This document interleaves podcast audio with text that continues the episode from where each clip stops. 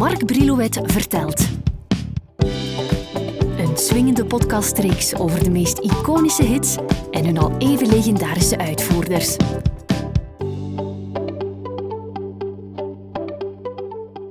Wat Franse chansons betreft, komen Franse artiesten in de lage landen keurig aan de bak. Zowel in België als in Nederland is men namelijk tuk op chansons in de taal van Molière. Je moet maar eens tijdens de zomerperiode extra de oren spitsen, dan duiken die Franse hits her en der op. Zeker in de periode dat de media veel aandacht besteden aan de Tour de France. Dat gaat van de hits van Dalida en Joe Dassin over die van Day, France Gall, Moran, tot Michel Delpech, Adamo, Stromae en Charles Navour. Tijdens mijn loopbaan heb ik ooit eens de kans gehad hem te interviewen, maar ik was op dat moment net met iets anders bezig, druk in de weer. Maar hij was wel zo vriendelijk een CD voor me te signeren. Omdat ik in onze podcast uit respect voor de auteursrechten geen muziekfragmenten kan draaien, ben ik in het repertoire van Asnavour op zoek gegaan naar een liedje dat zowat iedereen kent. Formi, formidable. Asnavour groeide op in Parijs in een Armeense familie. In de loop van de jaren 40 ontmoet hij pianist Pierre Roche. Samen vormen ze een duo. Pierre schrijft de muziek, Charles de teksten. Tijdens een radioconcert in 1947 ontmoeten ze hun idolen, Charles Trenet en Edith Piaf.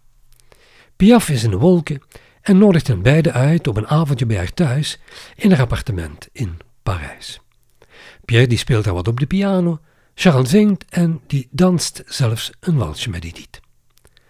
Sander Daars nodigt ze het tweetal uit om met haar op tournee te gaan. Piaf die scoort namelijk op dat moment een enorm succes samen met Les Compagnons de la Chanson. Ze trekken op concertreis naar het noorden van Frankrijk, België en Zwitserland.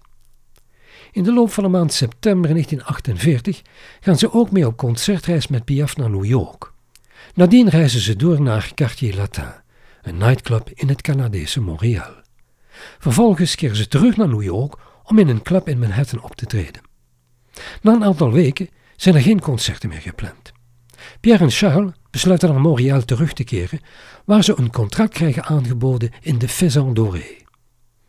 Bijna een jaar lang blijven ze daar. Intussen leert Pierre Roche een mevrouw kennen met wie hij vrij snel in het huwelijk treedt. Gedaan met optreden en Charles die keert terug naar Parijs. Eenmaal daar aangekomen maakte Aznavour in 1950 deel uit van de zomertournee van Edith Piaf. Hij zingt niet alleen, hij is ook tegelijk de regisseur van haar concerten. Maar als zanger scoort Aznavour niet. Hij heeft zijn uiterlijk niet echt mee, zijn zangstem lusten de mensen ook al niet. En de pers omarmt hem niet.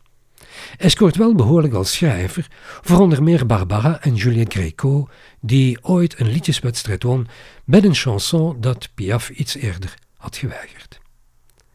In 1951 wordt Asnavour zowat de vertrouwenspersoon van Piaf. Hij is altijd in haar buurt. Hij wordt haar chauffeur, haar secretaris, maar niet haar geliefde. Dat genot is voor hem niet weggelegd. Dan kan je net zo goed zeggen, dat lot is hem gespaard gebleven. De carrière van Charles komt in 1954 pas echt van de grond wanneer Bruno Cocatrix hem vraagt op te treden in de Olympia in het voorprogramma van de jazzmuzikant Sidney Bechet, die u wel kent van de hit Petite Fleur. Iets later breekt Aznavour definitief door wanneer hij optreedt in het Alhambra in Parijs. En van dan af is er geen tegenhouden meer aan. Hij rijgt de successen als het ware aan elkaar. In 2017, wauw, dan maak ik een grote sprong, krijgt Aznavour een ster op de Hollywood Walk of Fame. Bij de onthulling hiervan zei hij: Ik ben Frans en Armeens. Die twee zijn met elkaar verbonden als koffie en melk. Het is fantastisch om twee culturen met me mee te dragen. Een jaar later overlijdt hij op 94-jarige leeftijd. Een ruwe schatting veronderstelt dat hij zo'n 180 miljoen platen heeft verkocht en in het totaal zo'n duizend liedjes heeft geschreven. Een aantal van die Franse chansons werden ook succesvol in het Engels vertaald en werden elk op hun beurt grote hits. Ik denk aan She, Yesterday When I Was Young en The Old Fashioned Way. Navour die trad in de loop van zijn carrière ook regelmatig op in Engeland en in Amerika, de Engelse taal, die lag hem wel. Een van zijn meest geliefde liedjes in de lage landen is en blijft For Formidable. Hij zette dit in 1963 op plaat en maakte er een woordspelletje van. Hij goochelde namelijk op een speelse manier met Engelse en Franse woorden.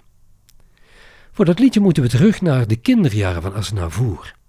Hij is nog maar een jongetje van een jaar of elf wanneer hij helemaal in de ban geraakt van het liedje Darling, je vous aime beaucoup, in 1935 geschreven door een zekere Anna Sosenko en op plaat gezet door de Amerikaanse cabaretière Hildegard Loretta Sell. In 1954 zal Nat King Cole er een wereldhit mee scoren. Wanneer voren aan het begin van de jaren 60 op zoek gaat naar een hitgevoelige song, want hij had in die periode erg goed gescoord met Les Comédiens en Et Pourtant, denkt hij terug aan die Darling, Je vous aime beaucoup, een Engels liedje met in de titel en het refrein een stevige knipoog naar de Franse taal. Hij wilde ook wel eens uitproberen, dat spelen met beide talen. Hij zet zich meteen aan het schrijven. You are the one for me, for me, formidable. En dan loopt het vast. Ik kan er niet meteen een vervolg aan breien. Hij gaat dan maar aankloppen bij de man met wie hij net Les Comédiens heeft geschreven, Jacques Plante. Goed voor een rest hits, voor onder andere Tino Rossi, André Claveau en Georges Guittari. Aznavour die legt hem precies uit wat hij wil en in een mum van tijd weet Jacques de klus te klaren. Toch even dit. Op het moment dat Charles Navour het nummer For Formidable schrijft, is hij ook bezig met de muziek voor de film Cherchez l'idole, waarin voor de allereerste keer Johnny Hallyday in een film optreedt. For Formidable wordt een dijk van een hit in Frankrijk, een regelrechte Aznavour-klassieker. In Nederland zit er voor hem in de zomer van 63 een 17e plaats in de top 40 in. In Vlaanderen reageren we niet enthousiast op die single, al zal die wel vaak over de radio te horen zijn. Charles moet nog even wachten tot hij een jaar later met La Mama in de BRT Top 30 genoteerd staat. Voor mij Formidable zal vanaf 63 tijdens zowat elk concert dat Asnavour in de Anglo-Saxische landen geeft te horen zijn. Je kan het nummer ook terugvinden op de LP Key, datzelfde jaar uitgebracht op het Barclay-label met in het totaal 12 chansons, waaronder Trotard, Tu exagères en Donne tes saisons, dat eveneens een hit wordt in de versie van zijn Franse collega Danny Logan. En ik herhaal in de staart van ons verhaal, mocht je willen reageren of laten weten waar je precies naar ons luistert, dan kan je me altijd mailen. mark.brilouet.telenet.be Op voorhand bedankt en tot binnenkort.